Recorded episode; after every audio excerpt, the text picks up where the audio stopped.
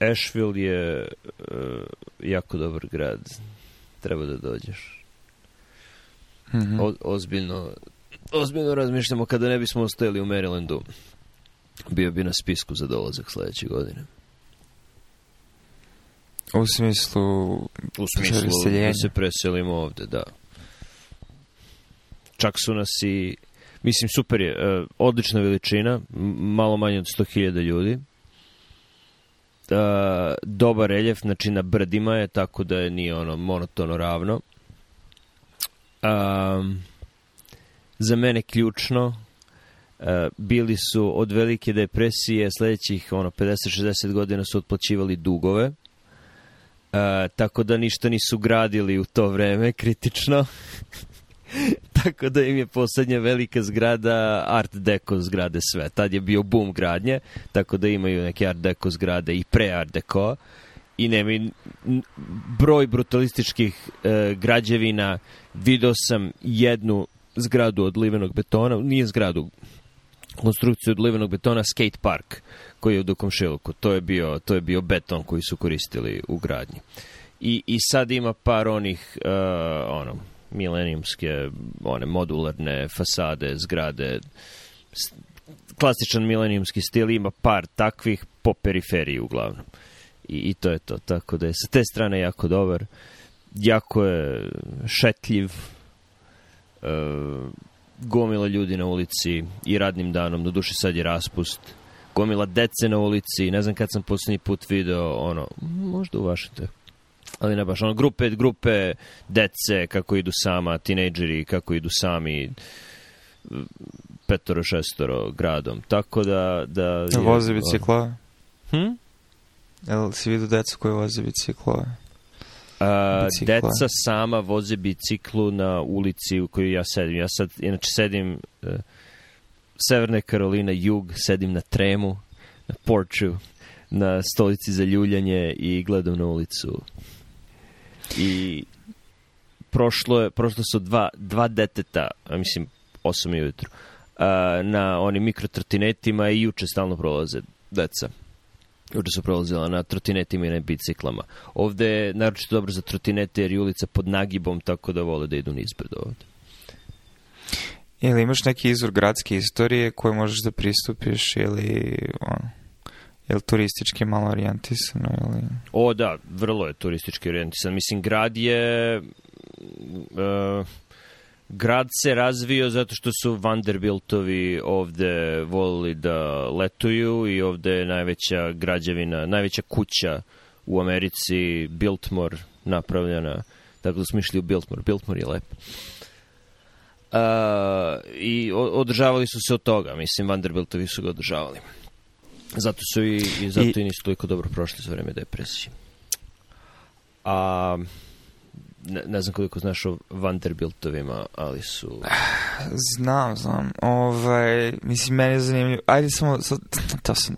Razlog zašto ste pitao to je, što sam teo pitam, da li u toj istoriji se spominje spomenju spontani nestanci i čudne smrti dece svaki 27 godina.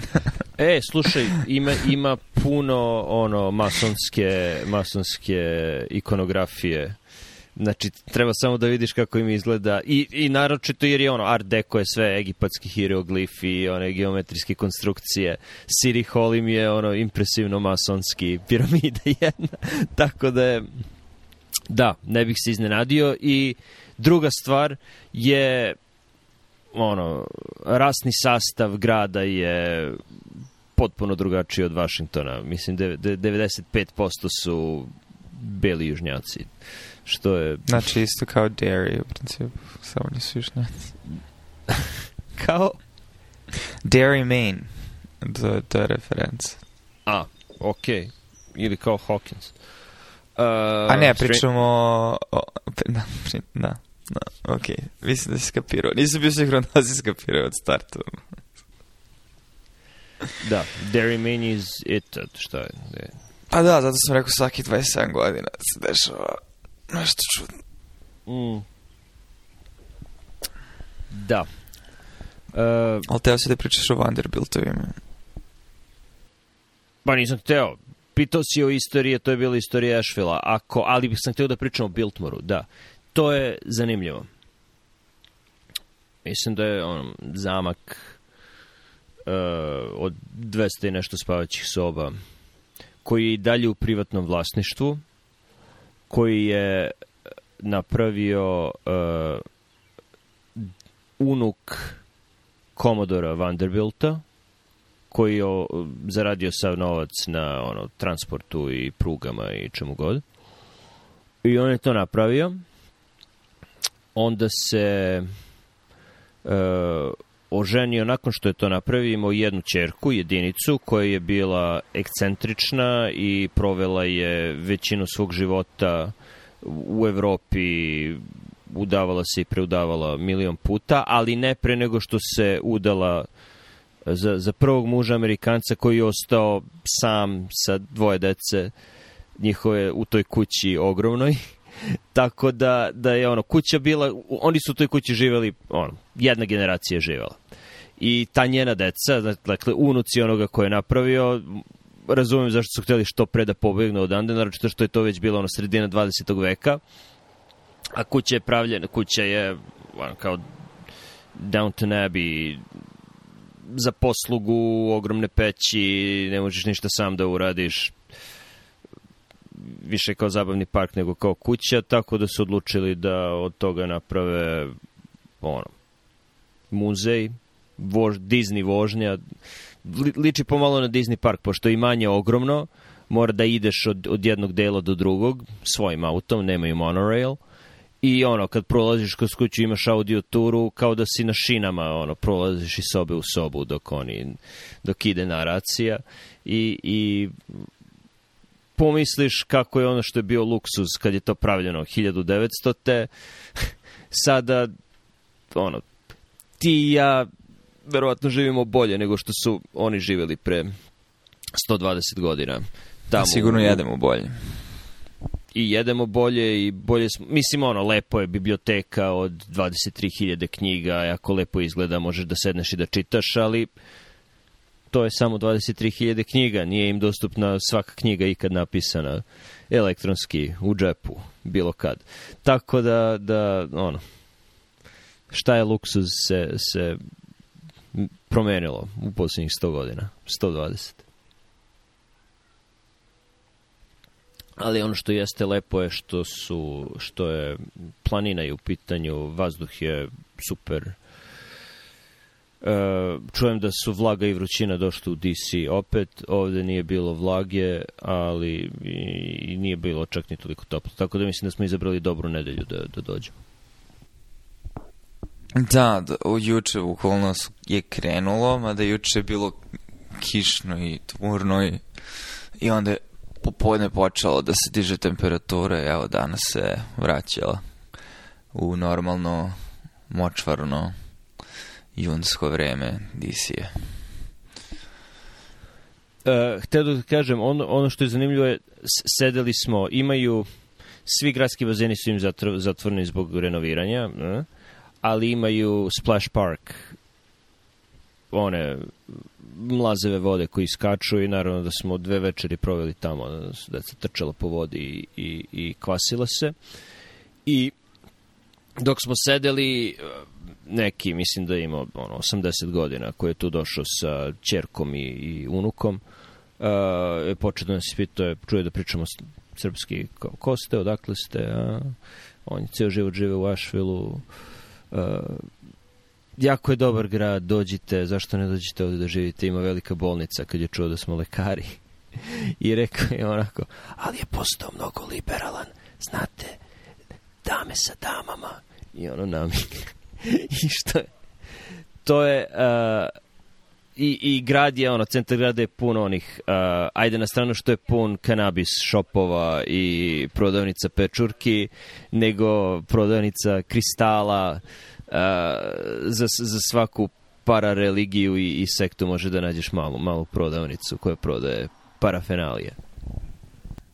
Uh, da, par komentara na to. E, jedan, ove, u stvari, ne čudim s obzirom na Twitteru, sam nedavno vidio, ne znam, neko ono, jedno ono, nasumišnih pitanja koje onda ode poluviralno i ljudi odgovaraju i glavno pitanje bilo kako je najbolji ono, uh, grad za preseliti se i a osoba koja je postovala to je bilo ono zapadna obala San Francisco kao naš programeri koji bi remote workovali ono relativno jeftinije, a ne želimo da idemo u Austin jer je Austin sad preskup i, i previše ljudi ima tamo ovaj.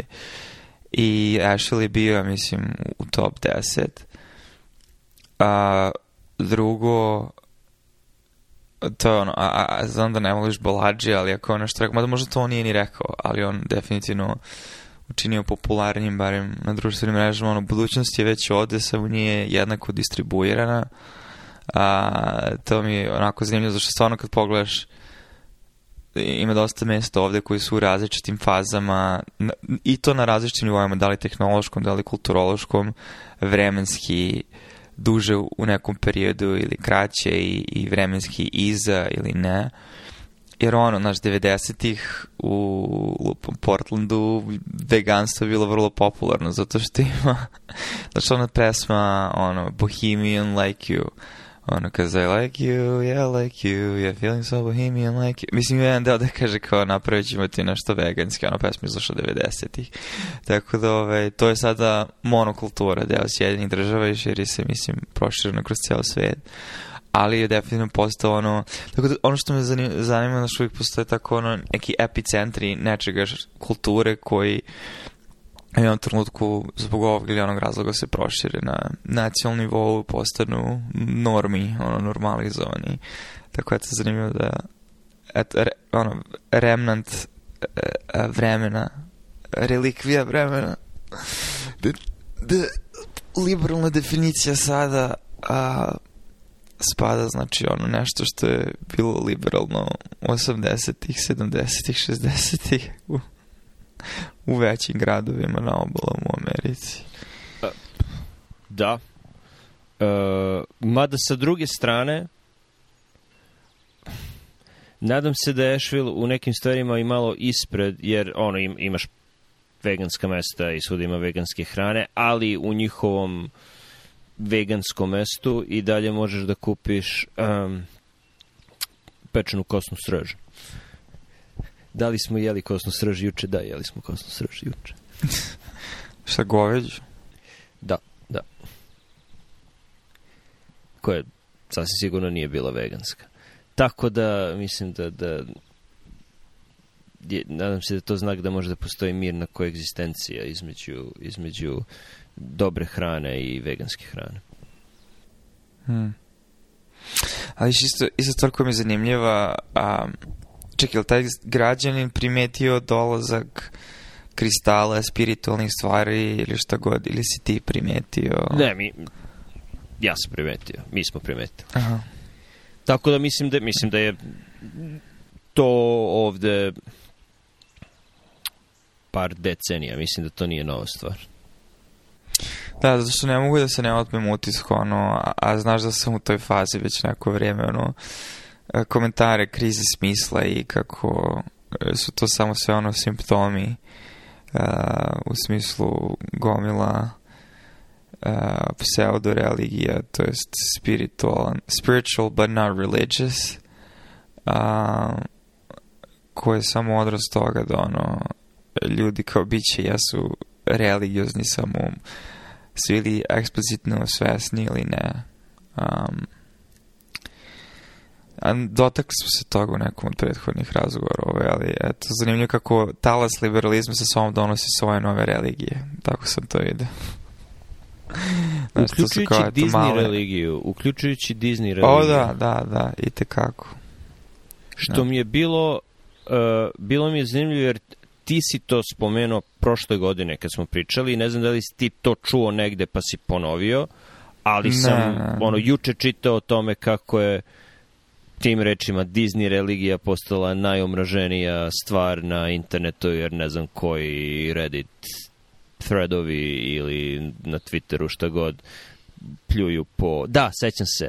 Um, uh, na ovom MID asshole na Redditu je neka žena uh, rekla uh, na svojoj svadbi imali smo ograničen budžet, Uh, ja sam odlučio da te pare potrošim da mi dođu Miki i Mini na svadbu, a ne da gostima dam hranu, tako da na svadbi nije bilo hrane. E, Gospode, e, I onda su...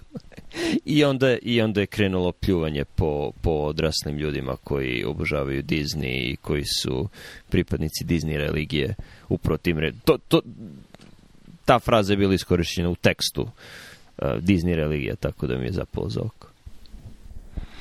Pa da, mislim, i jako se da smo baš juče pričali o tome, mislim, ovaj, ne, ne ti ja, nego sam spominjao, ovaj, jer opet poslao sam ti link ka onoj konverzaciji uh, koja je onako prilično mesnata, uh, Verveki Anderson koji je ono post-Jungijan, mislim bavi se Jung, on, on je isto neuronaučnik, ali ono, bavi se s Jungom, analizom, interpretacijom i nadgradnjom. Uh, i onda su se doticali gomila um, stvari vezanim za to, pogotovo što je ono Verveki pokušavao da nauči malo više o svemu tome i da neki način da integriše stvari koje već znao, tako da je jako bilo zanimljiv konverzacija, onda na, da se dotakne i popularnih a, pogrešnih interpretacija ili nedovoljno um, balansiranih interpretacija Junga, između ostalog Jordana Petersona koji ovaj, do, veliki deo njegove uh,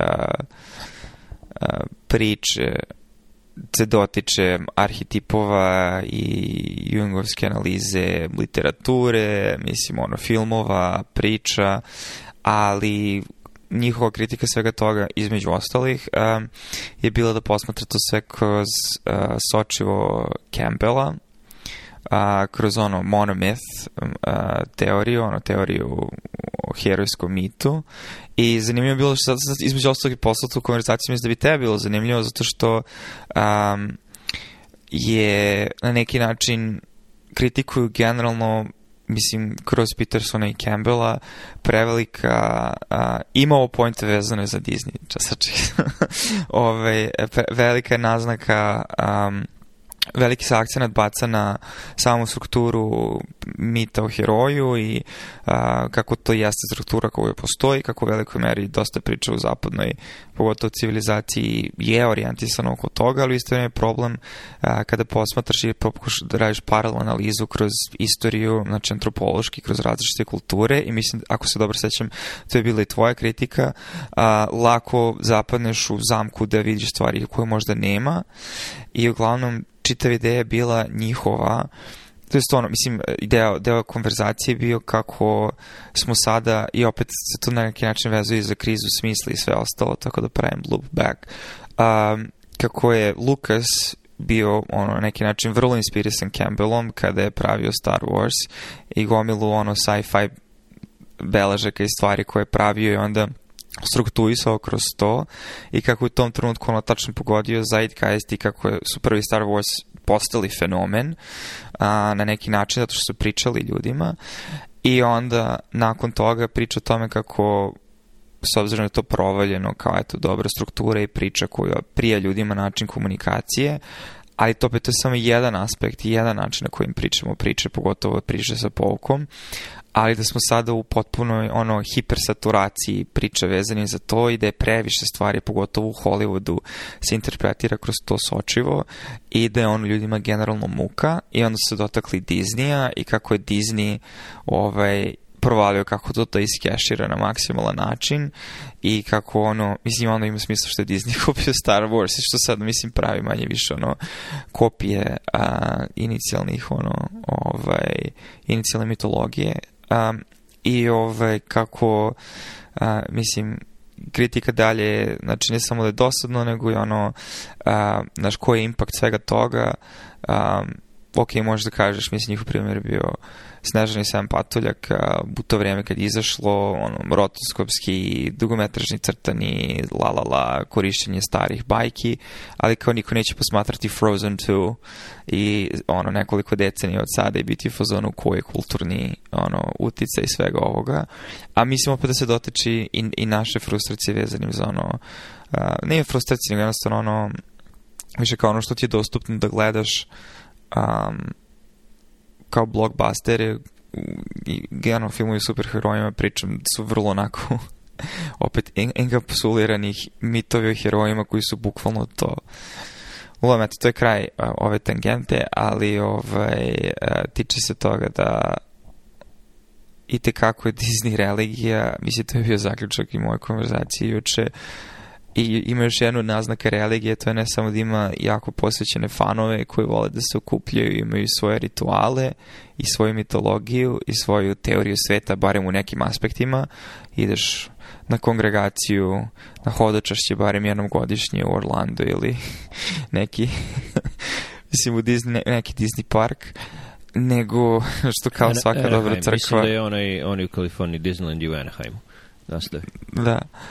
Ove, nego, nego ono i kao svaka dobro organizovana religija i crkva uzima pare od svojih sledbenika i to je mnogo efektivnija u činjenju toga od ostalih do sada. A, sviđa mi se sve što si rekao, naročito a, Campbell i Heroj s lica i to što u potpunosti se slažem da je uticaj da, je, da ima mnogo više takvih priča nakon što je knjiga izašla koje su zasnovane na toj knjizi i na radovima koji su zasnovani na toj knjizi, znači derivati derivata. Jedan od primjera je Rad zvezda i to može da bude i dobro i loše. Uh, Leftovers bi bila jedna stvar koja je očigledno zasnovana na Campbellu, koja je jako dobra, ali ima jako malo stvari koje su kao Leftovers, većina je glupa i površna. Uh, I cela ta knjiga, mislim ne znam da li si čitao knjigu, ali knjiga je jako površna i meni je neka vrsta litmus testa da vidim koliko se neko oduše, uduševljava Campbellom i ako se uduševljavaš Campbellom, to je znak da nisi baš intelektualno uh, oštar i precizan. Tako da, da slažem se tu sa Vervekijem i, i njegovim sagovornikom. Apsolutno. Da, uglavnom treba, treba da pogledaš što da bi pričao o nekim drugim stvarima sa tom ovaj, vezanu za tu konverzaciju, a zanimljivo da se opet dotiču i ajde ne ulazim sad ono tangentu s obzirom da ovo nije jedan ne jedan, nego smo na podcastu, ali ove, ovaj, um, ne znam, da, ne znam što je, da, u stvari je na, nasmišna stvar, pošto se nismo čuli par dana, um, pošto ste tamo, Ove, mislim da biti se Disco Elysium svideo dosta. A, znači, počelo je kao... Disco Elysium koja je kompjuterska igra koja je izašla pre koliko? 10 godina? Par godina. Nije, nije izašla 2019. A, dobro. Ajde, reći samo ovako. I možda ćeš onda znati na što mislim i zašto će bi se tebi svidjela. Um, igraju u izometrijskoj perspektivi većina stvari koje radiš u smislu role playinga su dijalozi koje imaš sa ljudima i skill checkovi su direktno vezani za same dijaloge. A, tako da imaš osjećaj kao da igraš neku dobru kampanju sa jako dobrim Dungeon Masterom i jedini razlog zašto to funkcioniše, znači juče sam izgugla zato što mislim bio je tim pisac, ali sve je počelo kao jedan lik iz Estonije koji je radio to ima preko milion reči u, u samoj igri. Tako da možeš da zamisliš kojim igrom je ova igra inspirisana, a to je igra koju ti voliš, jedna od tvojih omiljenih igara i vibe je jako sličan. Planescape na svoj način. Da. da Koji da, mi je, da, da. mislim, najomiljenija igra tačka. Verovatno okay. to, to je uh, mm, druga, druga pomiljenost i prva, prva mora da bude Daggerfall, ali, ali druga omiljena. Aha, znači Dark Souls i Bloodborne su treći, dele treće mesto. Uh, Bloodborne više od Dark Souls. A, da, Demon Soul uh, bi bio četvrti. Da, Bloodborne bi bio treći. Mora da napravim uglavnom... top, top 10. E, ideja za blog, nisam davno pisao. Top 10 igara. Da.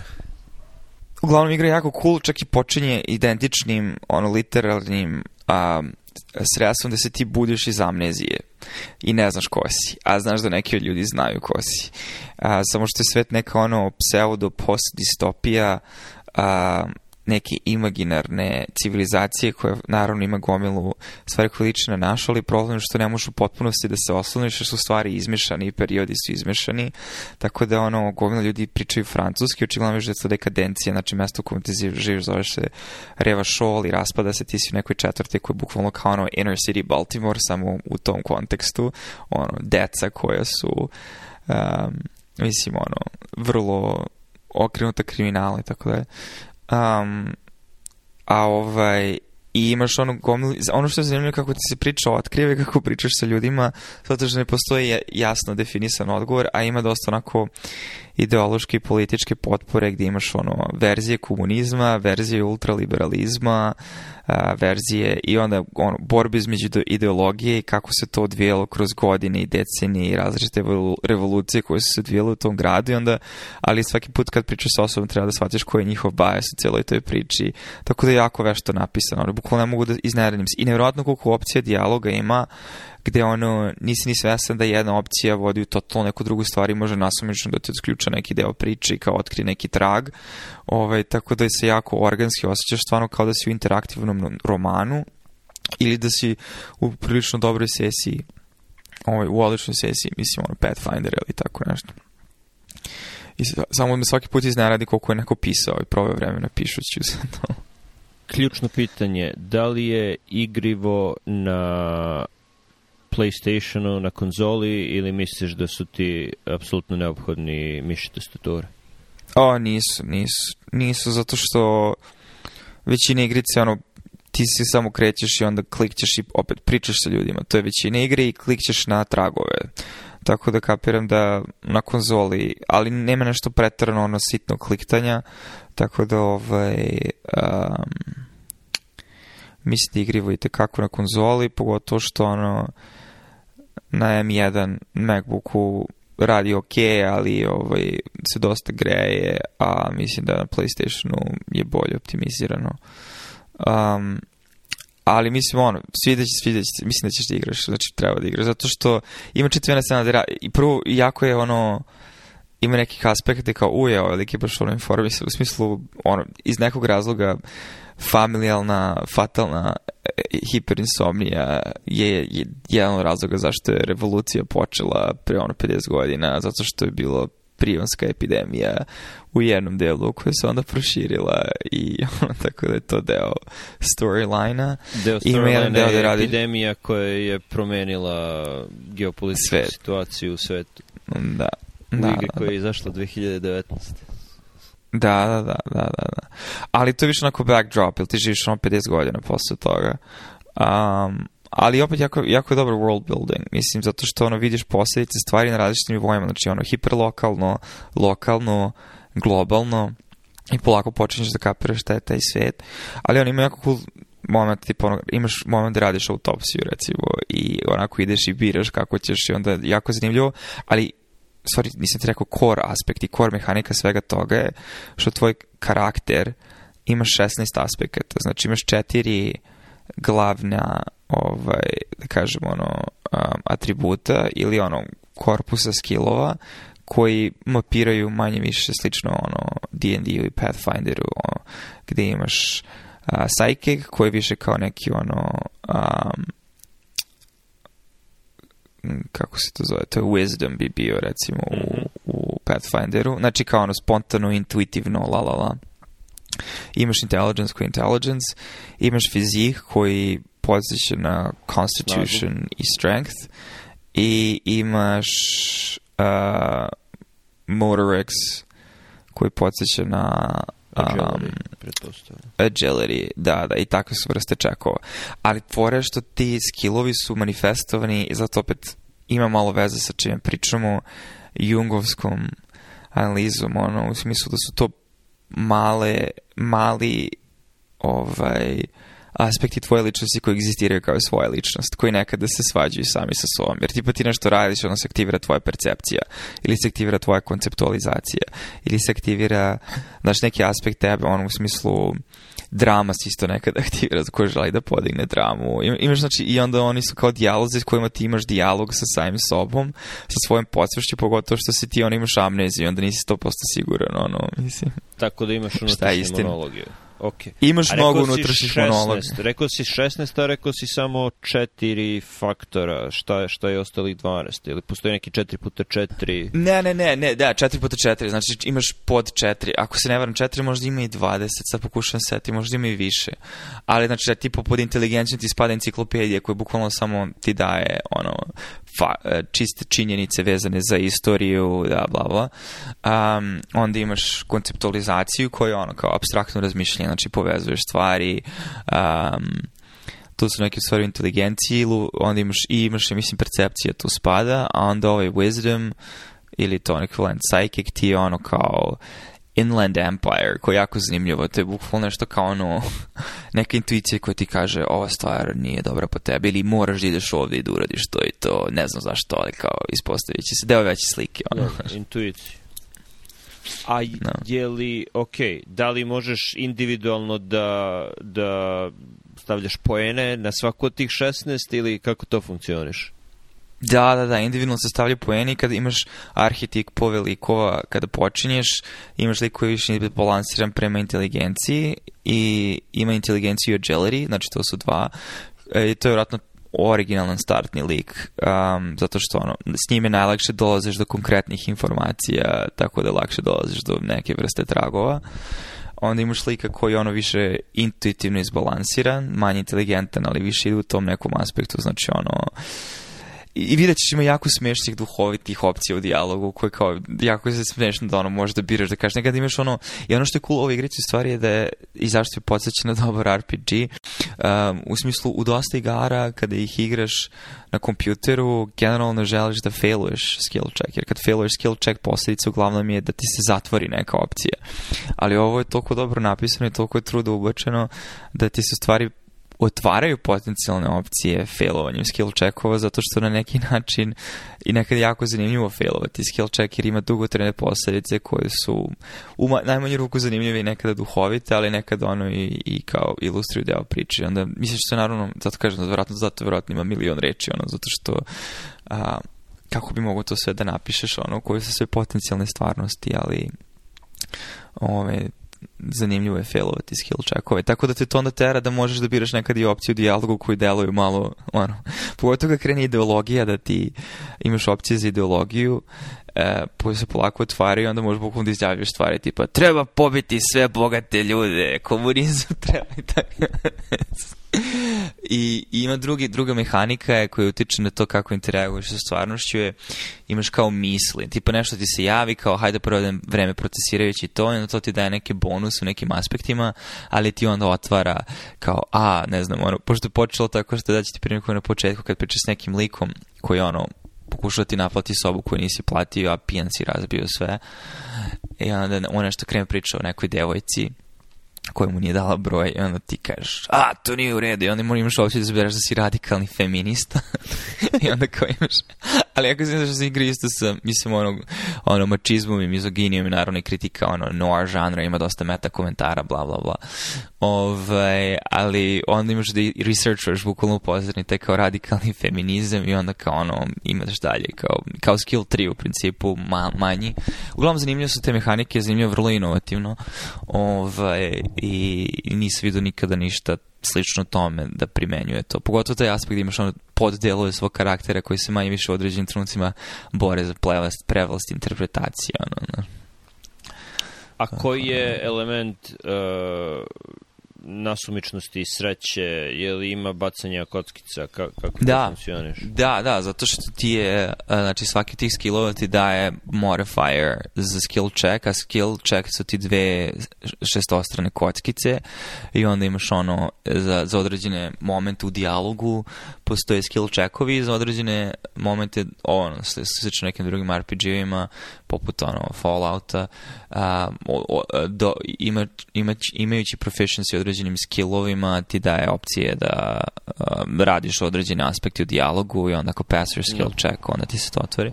To je Ove, ovaj, počeo, da. Na, da, na. Da. da, da, da, i on, i on ima to. Da, da, pogotovo ono ako imaš, nemaš inteligenciju visoku, onda ono imaš mnogo manje opcija u dijalogu, ako imaš visoku inteligenciju, onda imaš mnogo više opcija, ako imaš ono dobro, ako možda šarmiraš nekog, da, da, da, da, imaš druge opcije.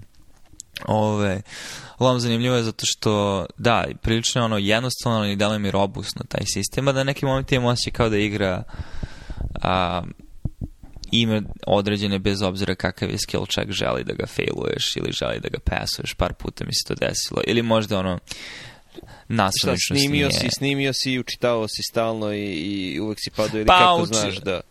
Pa da, teo sam ne, nekada da probam neki skill check da vidim kako izgleda, kada ga pasuješ i ono, pošto možda quick saveuješ i ono, u par navrata, tipa isticirao sam tri puta i sva tri puta sam failovao i onda kao, ok, ja neću dalje, tako da ovaj, delo mi da možda u nekim aspektima ima neki skriveni modifier, ali to je opet ono, i tvoj Dungeon Master može nekada da stavi skriveni modifier, zato što možda u priči nije trenutak baš tada da najedeš. Konkretno ovo je bilo tipa, probao sam da nađem neki svoj kaput koji je bio sa druge strane zida, bla bla, i onda kao nisam mogao da skočim. Mislim, i u nekim aspektu igre je jako jednostavno i zato što je bacičeno heavy na story i možda u tom smislu ono Planescape Torment pati um, zato što je pisan u Dungeons and Dragons ono rulebooku koji ono poput Pathfindera koji kasnije inspiruje ima gomilu nekih aspekata koji su pretrno u stvari komplikuju stvari ako ćeš imaš ono story driven um, RPG Tako da ono, ti lupa imaš, što se tiče health imaš ono endurance i to je ono, bukvalno imaš samo jedan ili dva ili tri checkboxa, zavisi ono koji si, koliko si investirao to i imaš morality koji u principu jako posjeća na sanity. Tako da u velikoj meri posjeća na tabletop igre, pogotovo ove fantasy morality flight. Morality ili uh, moral? A, morale. Um, ali oni ga zovu morality. Ne, mislim, prevod je na engleskom je sve, ali bilo je nekih momenta gde sam bio fazonu a, ok, nije, nije, it's a non-native person. Zato što bukvalno igrica e, počinje, ti si kao ono sve mračno i pričaš sa svojim on, reptilian brain, kao tako koji priča sa tom, kao ostani u martami, nemoj da se budiš, ostani. I onda se aktivira tvoj limpički sistem koji onda počinje da komunicira i onda se aktivira tvoja percepcija, ali umjesto consciousness kažu conscience više puta i onda kao, why would conscience be involved with this? It's probably consciousness. U mm. smislu, Znači svest, a ne savest. da, da. Dobro, zvuči kao super igra, ali da li ima bilo kakve borbe i da li ima hladnog ili vatrenog oružja i da li je u trenucima borbe potezna ili real time? Mislim da nema na taj način. Mislim da čak i svaka borba na kraju će se svesti na to. Imaš iteme, Eh, i itemi ti daju određene bonuse, ali mislim da će na kraju svaka interakcija u borbi biti kroz dijalog gde možeš da biraš opcije. Jer tako neke stvari koje su imale veze sa fizičkim interakcijama sa stvarima, do sada nisi imao borbu, ali a, eh, je bukvalno biraš kao šta ćeš da uradiš u fizičkom svijetu i sve je jako dobro opisano, tako da je u tom smislu, ali onda pozadnje ti ide skill check u zavisnosti toga da li imaš neko oružje ili... Zanimljivo zašto igrica ima dosta ono Znači, mislim, ti počneš tako što, mislim, i, kažem, mnogo je duhovito, mislim, nisi to praviš, ali ono, ti si pijan, ne sećaš se ničega, nemaš cipelu. I on tako kreće, ti si detektiv, ono, i tvoj partner je, ono, naravno ima taj cop priča, ono, totalno straight, znači, ono, zapisuje sve, a ti ideš onako pijan. I kao, bukvalno, kao, razmišljam, kao, ti si detektiv koji istražuje to ubistvo, to je četvrta i kao niko nema poštovanje prema tebi, ali ti si čovjek koji ide bez jedne cipele. Znači, dobro te od tog početka. Kao, pa naravno, da niko te neće shvatiti ozbiljno. Pritom napolju je ono mart, ali dalje pada sneg. I kao, znači, ideš sam čarap. Uglavnom, zanimljivo je. Ove, ovaj, ali, to sam samo kažem, imaš ono, polako možda skupljaš dela, ali je zanimljivo koliko su ono se trudili da može stvarno lik da ti izgleda totalno ono ludicrous, tipa da možda imaš uh, ono, uh, potkošulju, u smislu ono wife beater, mo možeš da imaš ovaj, ono, mrežastu potkošulju, može ono, imaš diske, zmisku, disko zmiska, zmiska koža, cipele i tako. I, se, ono, ima, i, i svi ti oni daju neki bonus u nekim aspektima, tako da nekada kombinacija stvari koje napraviš izgleda jako smešno, zato što si teo da napraviš određeni bonus. Mislim ali da li to ima uticaja, ta, to koliko je smešan, smešno neka odeće, da li ima uticaja na to, da, da, da li će ljudi da primete da je smešno i drugačije da se ponašaju prema tebi? Ili ne ulazi u takve detalje? Ulazi ako neki od tih hajcima, tipa neki od tih delova odeće utiče na negativno, na neke skill checkove, tako da recimo taj neki ono, nije persuasion, ali taj neki aspekt gde možeš kao ono da šarmiraš nekog ili da manipulišeš njima ili šta već, ovaj, ima neki delovi odeće mogu da utiču negativno na to. Mm. Ako ih ne osjećaš. Tako da je zanimljivo je bilo kao, da, ovaj deo odeće utiče negativno, ali ako skinem pantalone i u sam i gore samo potkušulju i imam kao one žute rukavice za ono čišćenje, razumeš, ovaj, to ne utiče, tako da. Ali poenta u, u toj četvrti da ti počinješ, imaš dosta beskućnika, ono, ja, mislim, generalno ljudi su, ovaj, tako da je verovatno je manje da te osuđuju ljudi. Nemaš previše kontakta sa visokim društvom. Bar ne na početku gde sam ja sada. Tako da. Kad si počeo da igraš? A, igrao sam reksinoć i sinoć, da. Ok. Da. Posle. Da. Ah, da, ali sam sinoć malo zaglavio. Toliko da. malo vremena uh, stavit ću na spisak. Mada verujem, ako... ako... Verujem Ovo je ono nivou Pathologic. Znači, u smislu vrlo vredne investicije vremena. Čak i ako malo vremena provedeš igrajući. Ok, ok. Naročito vidjet ću ako, ako može, ako, ako je dobro za posmatranje dok, dok ja igram to, to je bonus ako, ako može da se gleda. Mislim da jeste, zašto stvarno, čak i u odnosu na patologiju koju na nekim trenucima je vrlo onako, pošto je first person, ono, spamuš, ono, tražiš stalno stvari, kopaš po kantama, bla, bla, ovo je ono point and click i uglavnom si u dijalog boksovima, tako da a, čak i ono, u tom smislu je dobro i kad imaš samo malo vremena i samo želiš malo da ono, i zašto sve ide kroz dijalog, kao da čitaš nešto, nije kao da ovaj, zahtjeva tvoje reflekse i, ono, nema toga. Vreme čak u stvari zanimljivo kako progres je vremena i time će završiti da ide je što ne prolazi vreme kako šetaš, nego vreme prolazi kako ideš kroz dijalog. Tako da se postepeno prolazi vreme kako pričaš s ljudima. To je zanimljiva mehanika. To je baš zanimljiva mehanika. Mislim, uopšte je zanimljivo što prolazi vreme. Da li su neke stvari, da, da, li, da li su neke radnje vremenski ograničene, tako da ti nestane vremena da nešto uradiš zato što si prevo previše vremena pričajući sa nekim. E, pa to ne znam, zato što u patologiku um, znam da to definitivno jeste, jer ljudi imaju svoje rutine. Mislim da, sumnjam da je ovde to jeste slučaj, ali ne znam koliko je. Mislim da si više zaključan svojim skill checkovima nego što si zaključan vremenom da otkriješ određene aspekte priče, tako da možeš da probaš da interaguješ sa određenim karakterima, recimo, ali oni onda ne, nemaš opciju za njih i onda oni nestanu, recimo. Tako da tu oni imaju kao svoj vremenski period tu, ali nije kao da ne, nema možda da stigneš do njih, pošto isto, isto, isto je zanimljivo. I podsjeća jako na Planescape Torment u smislu artworka te izometrije, zato što je onako pozadina jako lepo naslikana, ali nije toliko velika, ali je toliko sve načičkano da ti imaš osjećaj kao da je, ne znam, taj prostor mnogo veći nego što jeste, što je zanimljivo, dosta igara imaš osjećaj, imaš go veliki prostor, ali ne, ne izgleda toliko veliko, nema, nema mnogo detalja. Da.